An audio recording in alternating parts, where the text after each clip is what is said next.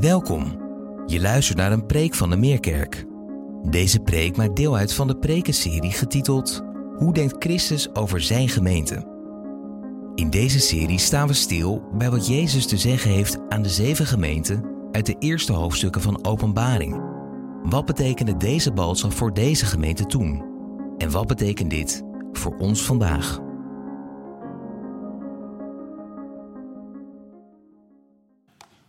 Goedemorgen allemaal. Vorige week eindigden we onze preekserie waarin we zaten. De preekserie die we de titel hebben gegeven: Hoe denkt Christus over zijn gemeente? En vorige week was het die laatste gemeente die aan de beurt was, Laodicea, waar Remy over heeft gesproken. En daarmee sloten we de preekserie af. Maar we wilden niet in één stuk doorgaan om alles wat we gehoord hebben maar achter ons te laten en door te gaan naar de volgende preekserie. We wilden deze zondag benutten om te reflecteren op datgene wat we gehoord hebben. Wat we persoonlijk gehoord hebben, individueel. En wat het betekent voor ons als collectief, als gemeente hier in de Meerkerk. Van alle boodschappen aan alle zeven gemeenten in Klein-Azië klonk die persoonlijke oproep van Jezus Christus elke keer weer. Wie oren heeft, moet horen wat de geest tegen de gemeenten zegt. En het is een persoonlijke oproep, want de werkwoordsvorm van horen is enkelvoud. Dus er wordt voor een ieder in die gemeente wordt aangesproken. En daarom willen we ook die tijd nemen, ook vandaag, om individueel en gezamenlijk als gemeente na te denken en te reflecteren op datgene wat de geest tegen ons persoonlijk gezegd heeft. En daarmee tegen ons als collectief, als gemeente. Het is enorm bemoedigend geweest ook. Want we hebben een oproep gedaan aan ons allemaal om gewoon eens wat persoonlijke reflectie te delen met ons. Ik denk dat het bemoedigend is geweest voor jezelf om het op te schrijven. Maar het is ook bemoedigend geweest voor ons om te lezen. Om te proeven waar de geest in ons midden bij ieder persoonlijk gesproken heeft. En wat dat betekent voor ons gezamenlijk. Dus dank voor een ieder die daar ook gehoor aan heeft gegeven. Maar we willen vandaag nadenken over die vraag. Hoe ga je dan nu vervolgens ook verder? Als we deze acht zondagen hebben gehad, de inleiding en de boodschap aan die zeven gemeentes, hoe gaan we dan nu vervolgens verder? En die vraag hebben we ook onszelf als predikanten gesteld. We hebben niet alleen maar gezegd naar de gemeente toe, kijk in die spiegel, kijk in die spiegel waar Jezus tot jouw hart spreekt. Maar ook hebben we die vraag onszelf natuurlijk gesteld als predikanten. Waar heeft de geest tot ons persoonlijk gesproken? En wat betekent dat voor het collectief van ons als gemeente? Want één ding is om vanaf het podium jullie toe te spreken, maar ook wij behoren in diezelfde spiegel te kijken en te reflecteren op wat de geest tegen ons persoonlijk te zeggen heeft. Wat hebben we persoonlijk gehoord? Wat hebben we ter harte genomen van hoe Jezus over zijn gemeente denkt? En daarom willen we vanmorgen, als jullie drie predikanten, een stukje van onze persoonlijke reflectie delen in drie mini-preekjes van tien minuten van ieder. En we doen dat naar aanleiding van die drie oproepen die Jezus doet aan die laatste gemeente in Laodicea. Waar Remy ook over sprak. We hebben dat in drieën gedeeld. En laten we maar dat gedeelte eerst lezen voordat ik mijn persoonlijke reflectie met jullie wil delen. En dan lees ik uit Openbaring 3, vers 17 tot en met 18. En ik lees het vanuit de Bijbel in gewone taal, omdat het zo mooi opsomt de drie mini-preekjes die we willen gaan houden. En daar staat het volgende. Jullie zeggen dat jullie rijk zijn, dat jullie alles hebben wat jullie willen en niets meer nodig hebben. Maar jullie zien niet hoe slecht het met jullie gaat, hoe ongelukkig jullie zijn, hoe arm, blind en naakt. En daarom geef ik jullie deze raad. Koop zuiver goud bij mij, want pas dan zul je echt rijk zijn. Koop witte kleren bij mij en trek ze aan, zodat je niet langer naakt bent. Koop mijn zalf en smeer die op je ogen, zodat je weer kunt zien. Tot zover. En we willen beginnen met die laatste oproep van Jezus om zalf te kopen voor je ogen. Daarna gaan we kijken naar die tweede oproep om witte kleren aan te trekken waar Remy op zal reflecteren. En we zullen eindigen met Wichelen die zijn reflectie met ons zal delen op die eerste oproep over zuiver goud. Mijn persoonlijke reflectie. Wat mij persoonlijk elke zondag opnieuw trof, waren die woorden die ik net noemde. De woorden waar Jezus elke gemeente, elke boodschap aan elke gemeente mee afsloot. Die treffende woorden die oproepen tot zelfreflectie. Namelijk wie oren heeft moet horen wat de geest tegen de gemeente zegt. En ik noemde het al, Jezus spreekt hier het individu aan. Die deel is en invloed heeft op het collectief van de gemeente. Dus ik word opgeroepen, persoonlijk, om in die spiegel te kijken. Ik persoonlijk word opgeroepen om in de spiegel te kijken en Jezus woorden tot mezelf te laten doordringen. Zodat ze niet alleen mijn hart raken, maar ook mijn leven in beweging zetten te midden van het collectief van de gemeente. Het is persoonlijk. Elke keer als Jezus het heeft over wie overwint, als Jezus het heeft over overwinnen, dan kunnen we ook verliezen. Dat is een persoonlijk verliezen of overwinnen, waar Jezus over spreekt. Want dat persoonlijk overwinnen of dat persoonlijk verliezen, dat is wat doorcijpelt naar de rest van de gemeente. Maar hoe zit dat dan bij mij? De woorden die ik lees in de Bijbel, die ik spreek vanaf het podium, is dat in lijn met de daden die ik leef in het dagelijks leven? In dat opzicht vond ik elke zondag dus confronterend en zuiverend tegelijkertijd voor mijn eigen leven. En het waren niet alleen de woorden waar Jezus de boodschap elke keer mee afsloot, maar het waren ook de woorden die specifiek verbonden waren aan die zeven gemeenten. Misschien herinner je je dat nog wel. Over liefde, over lijden, over waarheid, heiligheid, echtheid, trouw en toewijding. Alleen al die woorden, als je dat op je laat inwerken en wat het betekent voor jouw persoonlijk leven, is genoeg stof om over na te denken. Maar alles begint met ogen die opengaan door geloof en uit genade voor wie Jezus is en wat Hij heeft gedaan. Maar het eindigt ook allemaal met ogen die zien op Jezus. Begin en het einde. En daarom zegt Jezus in Openbaring 3, vers 18: Koop mijn zalf en smeer die op je ogen, zodat je weer kunt zien. En dat zicht op Jezus, hebben we gezien in de preken, dat kan ook zo snel vertroebeld raken. Zelfs wanneer je ogen open zijn gegaan voor wie Hij is. En ik wil jullie meenemen maar naar de eerste vier, vijf jaar van mijn eigen persoonlijk geloofsleven.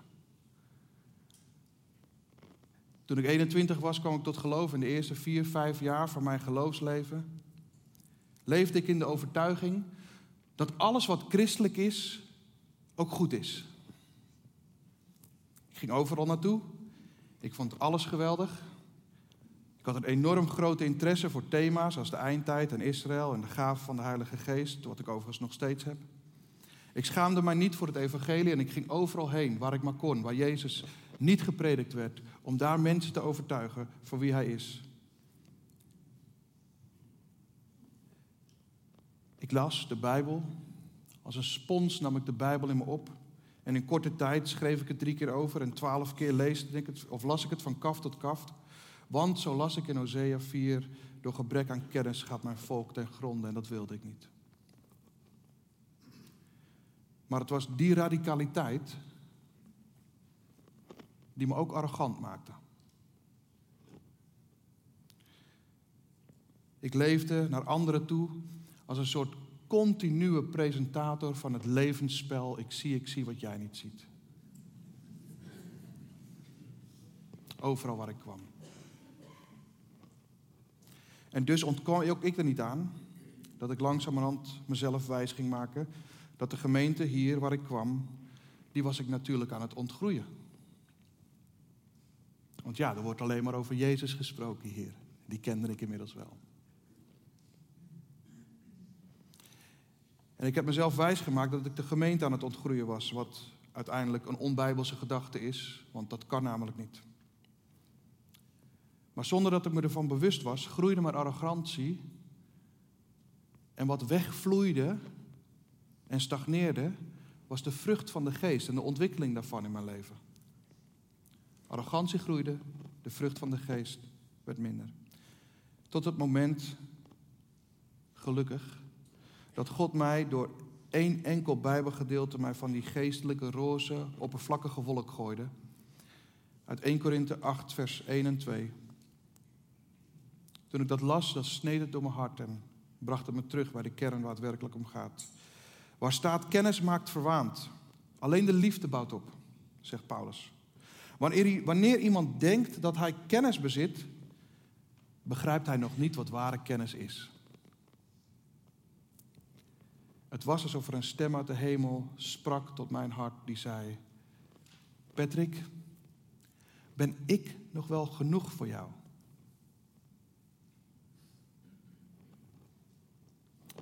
Zoals de woorden van Remy vorige week. Je kan radicaal zijn in Bijbel lezen, in bidden, in het evangelie verkondigen, in het volgen van Bijbelstudies en je uitstrekken naar specifieke gaven van de geest. Het is allemaal mooi, goed en begrijpelijk, belangrijk.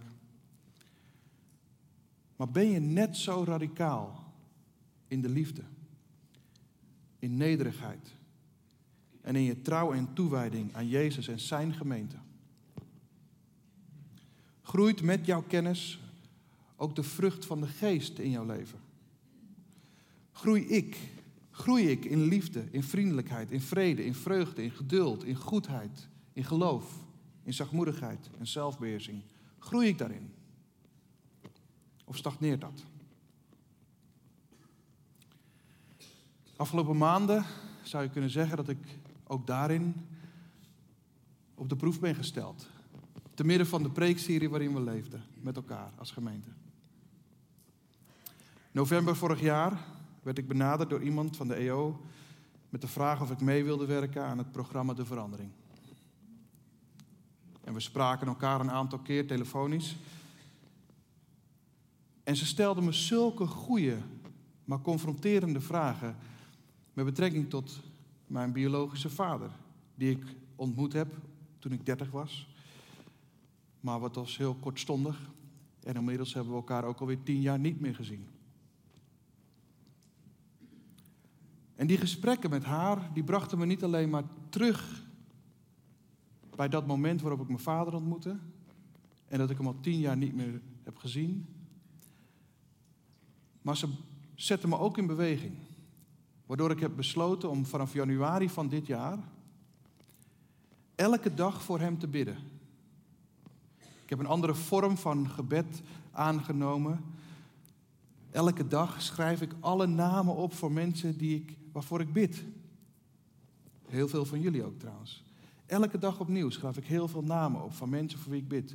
En dan de volgende dag scheur ik dat blaadje weg, kreukel ik het op, gooi ik het weg en begin ik opnieuw te bidden voor elke dag opnieuw voor die namen voor wie ik bid.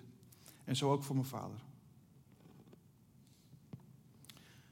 Zaterdag 11 februari, afgelopen 11 februari, werd uiteindelijk die uitzending van de verandering uitgezonden.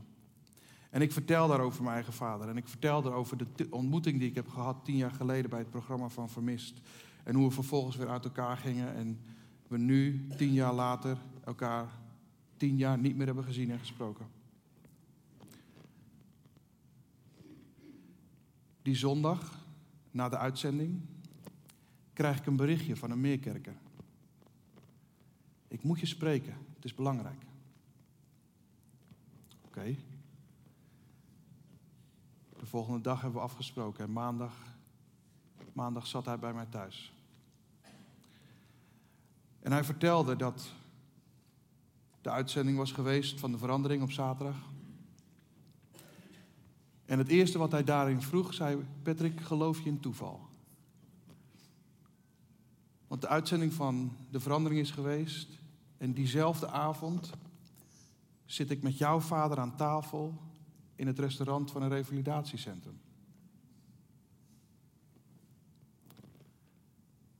Hij wil je heel graag weer zien.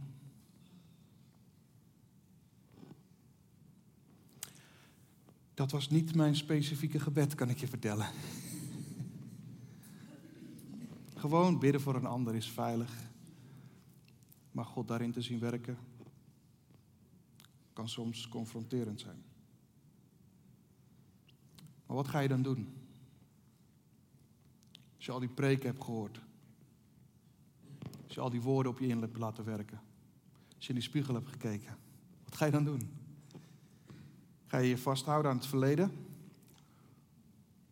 Of geloof je daadwerkelijk dat God iemand in tien jaar lang kan veranderen? Wat ga je doen? Zie je dit als een wonderlijke ontmoeting die God heeft gegeven? En ben je dan vervolgens bereid om je eigen ik opzij te schuiven en je ogen gericht te houden op Jezus Christus als de grondlegger en voltooier van jouw geloof? Dus niet alleen maar in je woorden, maar ook in je daden. Hoe zit het dan bij mij? En toen ik nadacht over wat wijs is, moet ik erheen gaan, moet ik er niet heen gaan en wanneer ga ik eraan heen en wat ga ik dan zeggen? Als je elkaar tien jaar lang niet hebt gezien. En vervallen we dan vervolgens weer in hetzelfde als tien jaar geleden en heb ik daar zin in? Toen ik daarover nadacht, luisterde ik dat lied waar Joop Strietman over had gesproken in onze preekserie van Helen Lemmel. Turn your eyes upon Jesus. Richt je oog toch op Jezus. Zie op naar zijn heerlijk gelaat. En al het aardse wordt dan zo wonderlijk vaag als je zelf in zijn goddelijk licht staat. Dat aardse was ook mijn verleden en mijn verstoorde relatie met mijn vader. En ondanks dat het deel is van mijn leven, besloot ik mijn ogen gericht te houden op Jezus. Biddend dat inderdaad dat aardse zo wonderlijk vaag zou worden. En die woensdag ging ik naar hem toe.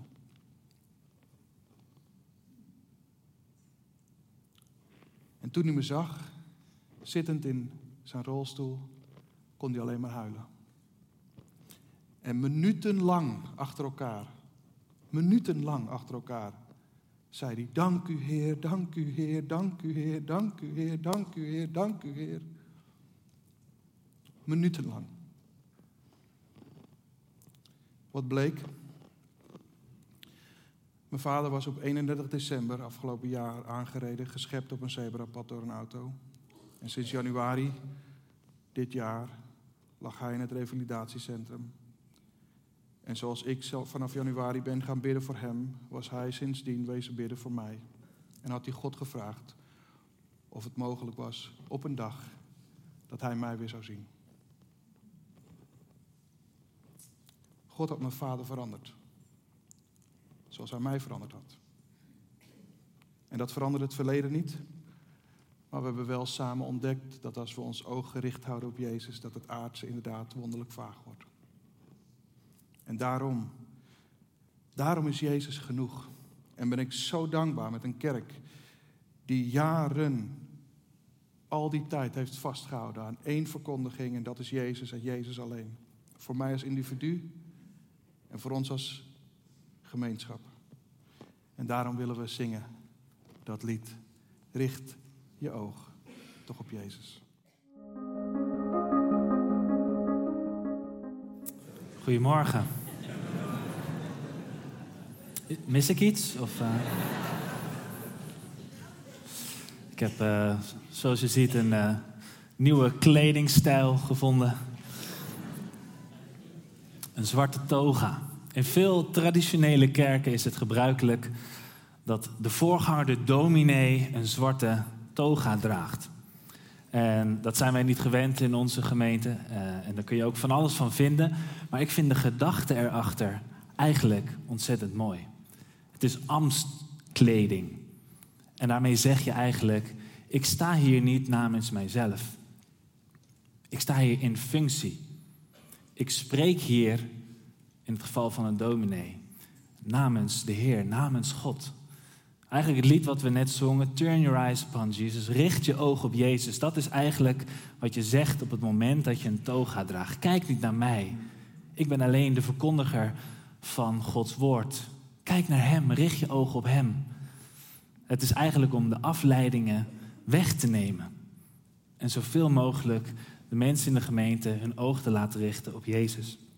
En ik vond het mooi, iemand die als reactie op uh, de prekenserie schreef ehm, die, persoon schreef, Het is geen goede zaak als mensen zeggen na een preek: Wat een goede spreker. Wat heeft hij het goed gedaan? Dan heb je eigenlijk je doel gemist als prediker van Gods woord. Wanneer je je doel pas hebt bereikt, zei die persoon. Zoals mensen zeggen: Wat een redder. Wat een Jezus hebben wij. We hebben Gods woord gehoord vanochtend. En dat is wat wij als predikanten proberen te doen. Ook al hebben we onze eigen kleding aan, willen we eigenlijk niet dat je naar ons kijkt. Willen we zo graag dat je je oog richt op Jezus. En toch doen we het vanochtend anders dan normaal. Dat we ook iets van onszelf laten zien, een persoonlijke reflectie geven. Dat we niet van de ene prekenserie door willen rollen naar de andere alsof er niks is gebeurd, ook niet met ons.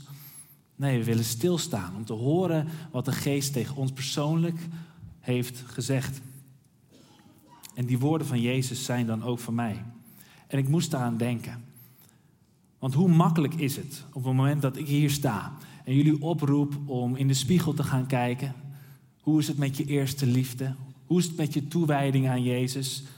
En dat ik daar als verkondiger van Gods woord het allemaal haarfijn kan uitleggen en vervolgens daar van het podium afloop met het imago van zo, die heeft het voor elkaar. Wat ik daar eigenlijk mee doe is, ik verschuil mij achter een toga, een zwarte toga, hoewel ik die niet letterlijk aan heb. Maar ik verschuil me achter het imago van een predikant. En dan kan ik zomaar weglopen met het idee bij mensen dat ik het allemaal op een rijtje heb. En dat helemaal in orde is met mijn eerste liefde en mijn toewijding aan de Heer. En het is verleidelijk, kan ik je vertellen. Het is verleidelijk om daarop te gaan vertrouwen. Is verleidelijk om daar eigenwaarde uit te halen. Zo van, kijk, ik ben toch goed bezig. En iedereen om me heen zegt het ook. Maar je leert een predikant niet kennen door zijn preken. Je leert iemand niet kennen als die aan het presteren is, als hij zijn best probeert te doen om er zo goed mogelijk aan de buitenkant uit te zien. Nee. Je leert mensen kennen als ze zich kwetsbaar opstellen. Je leert een predikant kennen als hij zijn togen uitdoet. En gewoon laat zien wie die is. En dat maakt dat die woorden van Jezus ook zo mij hebben aangesproken. Hoe vaak zei hij dat wel niet? Jullie denken dat jullie goed bezig zijn. Jullie denken dat jullie rijk zijn, lazen we net nog tegen de gemeente Laodicea. Maar jullie zijn arm. Jullie zijn blind. Jullie zijn naakt en je hebt het niet eens door. Ik hang mijn toga even op. Onze ogen worden geopend, Patrick net al zei. En vervolgens kunnen we in die spiegel kijken en komen we erachter dat we naakt zijn. De ergste nachtmerrie. We hebben allemaal vast wel eens die droom gehad. Dat je dan droomt en je loopt door je school heen of waar dan ook. En mensen kijken je gek aan. En aan het eind van je droom kom je erachter dat je al die tijd geen kleren aan hebt gehad. Je grootste nachtmerrie. En dat is eigenlijk wat er gebeurt als we in die spiegel kijken. Dan zijn we naakt. Mezelf verschuilen achter een imago is iets waar ik heel mijn korte leven wel mee heb geworsteld. In mijn tienerjaren al was ik zo bezig met wat andere mensen van mij vonden. En wilde ik er goed uitzien aan de buitenkant. Wilde ik dat mensen mij een goede gozer vonden. En voor je het weet krijg je een soort tweedeling. Iets, hoe, de manier hoe je presenteert aan de voorkant en datgene wat er daadwerkelijk in je hart zich afspeelt. En dat is wat ik zelf heb mogen leren en waar ik wederom bij bepaald werd met deze preekserie. Dat bij Jezus kan je je niet verstoppen. Hij houdt je een spiegel voor in liefde en in genade. Om gewoon te laten zien, hé, hey, dit is de toestand van jouw hart, Remy. Zoek je mij nog echt? Hoe is het met jouw eerste liefde? En ook ik, juist als je daarover preekt, word je daarmee geconfronteerd. En mocht ik daarover nadenken. En dan, als ik dan hier de zaal in kijk, dan denk ik, iedereen ziet er ook tip-top uit. Maar is de kerk de plek waar we samenkomen in onze meest mooie kleding, onze zondagskleren? Om vooral aan de buitenkant te laten zien dat we wel goed bezig zijn. om zulke goed mogelijke christenen te zijn als we kunnen? Is dat dan wat ons samenbindt? Dat we allemaal keihard ons best doen? Ik denk het niet. Ik denk wat ons samenbindt is juist dat we allemaal vroeg of laat ergens in ons leven erachter zijn gekomen dat ook wij naakt zijn. Dat ook wij onszelf hebben proberen te bedekken, onze zondeschuld, net zoals dat Adam en Eve dat deden. Toen ze naakt waren, zich verstopten voor God. Ze proberen ons ook te verstoppen voor God en voor anderen. Maar juist hier, dit is de plek waar we eerlijk mogen zijn. Waar we naakt mogen zijn. Eerlijk over de toestand van ons hart. Dat we er af en toe een potje van maken. Dat we het allemaal niet altijd op een rijtje hebben. En waarom is dit de plek?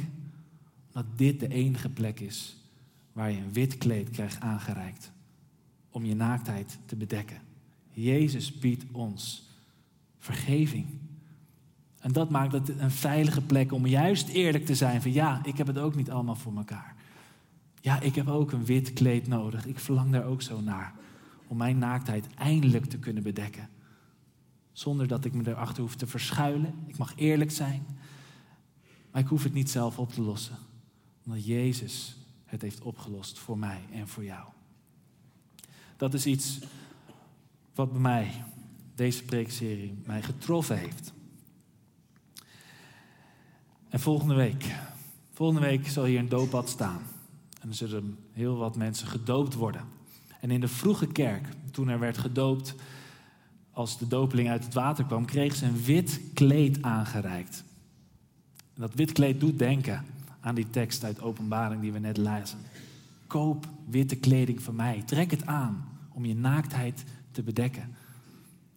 Die dopelingen kregen een wit kleed als een beeld dat ze zich mogen omkleden nu met Jezus. Een nieuwe mens, een nieuwe schepping in Hem. Om voortaan als nieuwe mensen door het leven te gaan. En ook aanstaande zondag, ze hebben dan geen witte kleding, geen, geen witte jurk meer aan. Maar als ze uit het doopbad komen, krijgen ze een witte handdoek aangereikt. Om als het ware te zeggen, je mag je nu omkleden met Jezus. Hij draagt jouw zonde. Je hoeft het zelf niet meer te doen. Je mag als een nieuw, nieuwe schepping nu door het leven gaan. En bij witte kleding denken we vaak aan hygiëne. Het is wit, het is schoon. Maar het woord schoon betekent eigenlijk niet wat wij ermee bedoelen. Het woord schoon betekent letterlijk mooi. Iets is mooi. Hij maakt ons niet alleen maar schoon, hij reinigt ons niet alleen. Hij maakt ons ook mooi, omdat hij mooi is. Hij heeft een wit kleed aan en die mogen wij nu aantrekken. En de valkuil is, is dat we, hoe blij we ook zijn dat we nu een wit kleed mogen dragen, dat we nu vergeving mogen hebben van zonde, dat we een nieuw leven mogen leiden, dat we volgens gaan zeggen, kijk mij, kijk wat een mooie wit kleed ik nu aan heb. En dat we vergeten van wie we dat witte kleed hebben gekregen. Ik noemde dat vorige week al. Dat we de gave van God kunnen verwarren met de gever zelf. Hoe blij we ook mogen zijn met het witte kleed. Hoe mooi die ook is. Het verwijst door naar de schoonheid van Jezus zelf. Dat we niet blij zijn met ons witte kleed. Dat we niet na een, na een dienst zeggen: Wauw, wat een preek, of wat een beeld, of wat een lied. Maar dat we weg zullen lopen en dat we zullen zeggen: Wat een redder. Een redder die mij heeft omkleed. Hij is het die onze lof en onze eer toekomt. En hem willen we bezingen, ook met het volgende lied. Wat ik heb uitgekozen, schoonste Heer Jezus. Ik vond dat vroeger altijd gek, maar het trof me wel altijd in mijn tiende jaren dat lied, schoonste Jezus. Ik vond het mooi. En op een gegeven moment kwam ik erachter, het gaat niet om hoe schoon Hij is. Het gaat om hoe mooi Hij is. Je bezingt de schoonheid van Jezus. Niet van wat hij geeft, maar van Jezus zelf. Zullen we erbij gaan staan en met elkaar zingen? Schoonste Heer Jezus. Schoonste is overtreffende trap. Schoner dan schoonst is er niet. En er is maar één schoonste Heer. En dat is onze Heer Jezus Christus. Hij overtreft allen en alles. Dat is misschien wel het eerste wat ik meegenomen heb uit de zeven boodschappen aan de gemeente. En ik denk dat we makkelijk die Jezus uit het oog krijgen. Dat hij uit het oog raakt. Omdat we niet meer zien dat hij de Allerhoogste is. De Albeheerser. De Alpha en Omega. En vanmorgen mag ik iets van dat schoonste delen vanuit de tekst die ik gekregen heb. En die tekst spreekt over Jezus als zuiver goud. Weer zo'n beeld. Goud dat volkomen gelouterd is. Zuiverder dan hij en zijn goud bestaat niet. En zijn oproep, oproep in openbaring 3 vers 18 is duidelijk. Koop zuiver goud bij mij. Oude vertaling wat gelouterd is, gelouterd zout, uh, uh, goud. Koop zuiver goud bij mij, want pas dan zul je echt rijk zijn. Er altijd een hunker geweest om rijk te worden. Zeker ook in het Romeinse Rijk. En vandaag de dag worden we van alle kanten besprongen, zou je bijna kunnen zeggen, om te zeggen: koop, koop, koop, koop, consumeer, consumeer, consumeer, consumeer. En vanmorgen dat simpele woord: koop zuiver goud. Bij mij, met de nadruk op mij, zegt Jezus. Dus in alles wat we kopen, alles wat we consumeren, zouden we eigenlijk moeten zeggen: ja, dit moet het altijd afleggen tegen Jezus. En daar wil ik vanmorgen op reflecteren. Leef ik echt dat alles zich als het ware moet buigen voor Jezus als de meerdere? Als de overtreffende trap van alles wat we in het leven willen bereiken, is Hij de enige die dat kan geven. Ik mocht Jezus leren kennen in mijn 17e levensjaar. Ik heb er genoeg in de loop der tijd over gesproken, maar eigenlijk nooit genoeg. Want dat verhaal moet levend blijven voor mezelf, maar ook bijvoorbeeld met de jongere generatie met wie ik het deel. Toen ik 17 was, 17e levensjaar was, dat de tijd van de hippies. En voor hippies was materieel bezit niet zo belangrijk. Dus die rijkdom die nu lijkt zo ontzettend nagestreefd te worden, was in die tijd eigenlijk niet. Wat wij nastreefden was gemeenschapszin. Erbij mogen horen. Je gekend weten. Dat was eigenlijk de rijkdom waar we voor wilden gaan. Maar die sociale, relationele rijkdom, zo je wil, bleek niet zo echt te zijn als de hippie-idealen dat wilden doen voorkomen. Ontgoocheld werd ik, gelukkig en door Gods genade, op een dag uitgenodigd voor een avond waar ik het rijke evangelie mocht horen van Jezus Christus. En daar ontdekte ik dat Jezus bleek te zijn het zuivere goud. En wilde je echt rijk zijn, waarlijk rijk, waar ik zo naar verlangde, dan was er maar één en dat was Hij.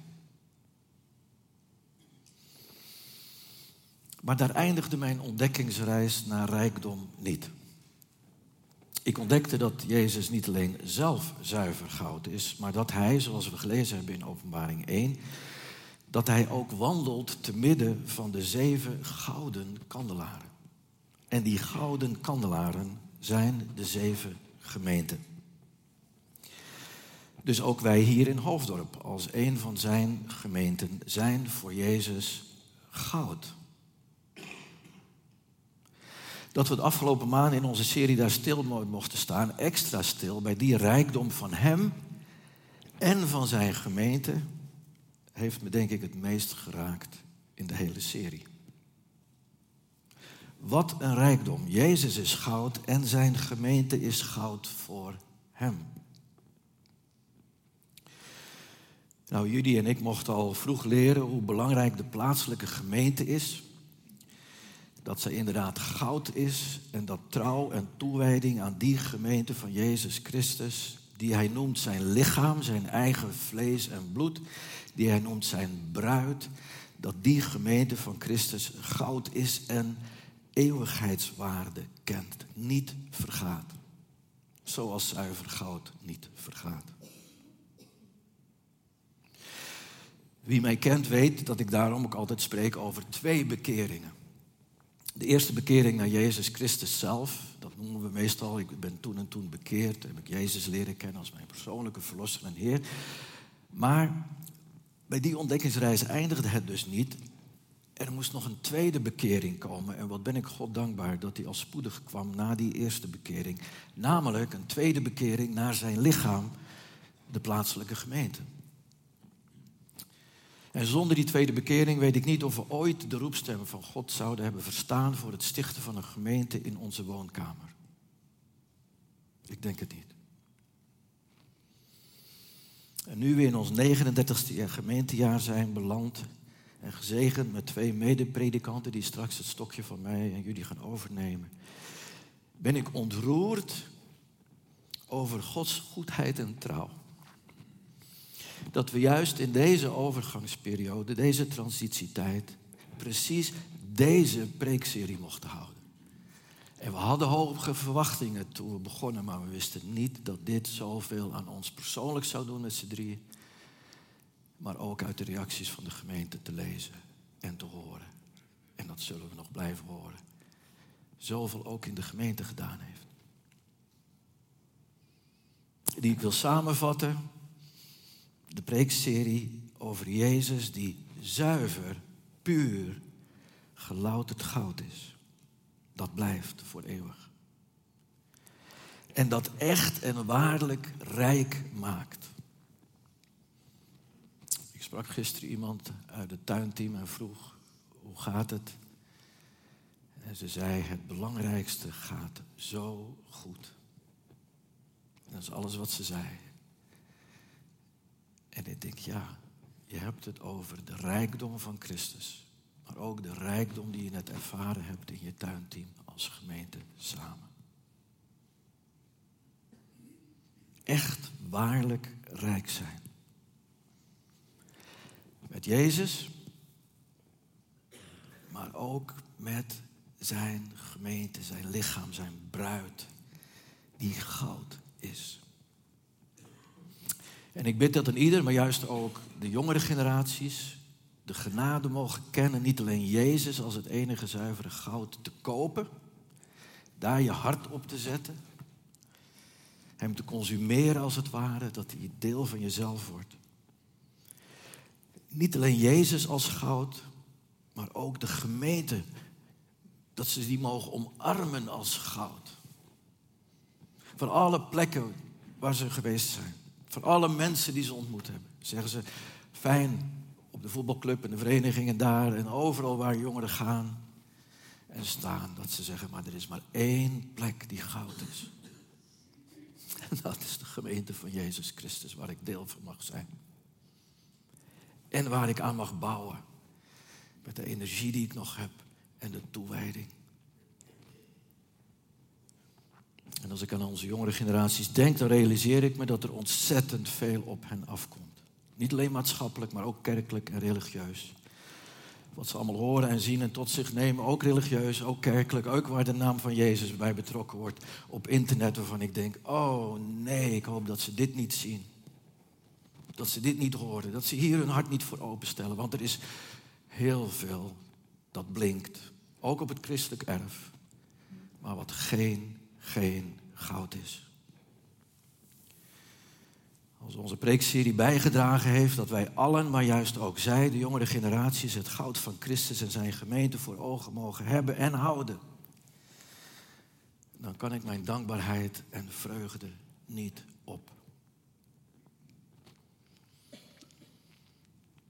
Ouder ik word, hoe meer ik me realiseer wat een wonder het is als je geloof door de tijd heen geen schipbreuk heeft geleden.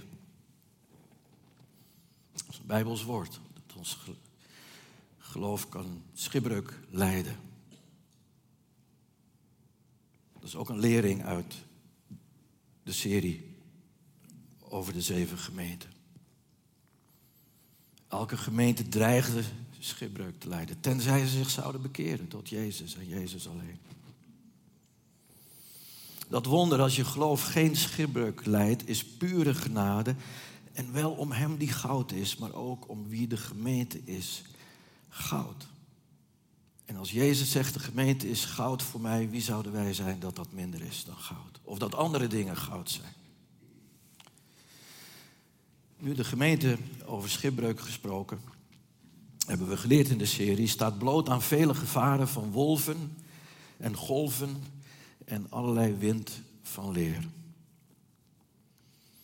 Wat hebben we het nodig om door Gods geest en zijn genade naar zijn woord geleid en bewaard te worden in de zuiverheid van ons persoonlijk geloofsleven, maar juist ook in de zuiverheid van ons tezamen als gemeente, in ons gemeentelijk geloofsleven. Mijn naam Wiggelen komt van Terschelling. Ik ben van moederskant vernoemd naar mijn grootvader en vader Wiggelen Zwart met een S.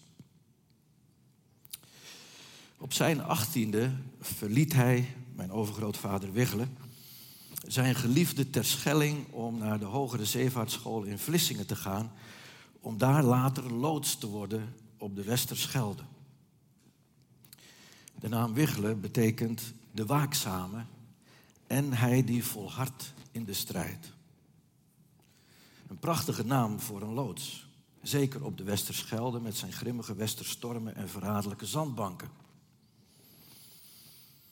Ik heb veel aan mijn overgrootvader Zwart moeten denken tijdens deze preekserie.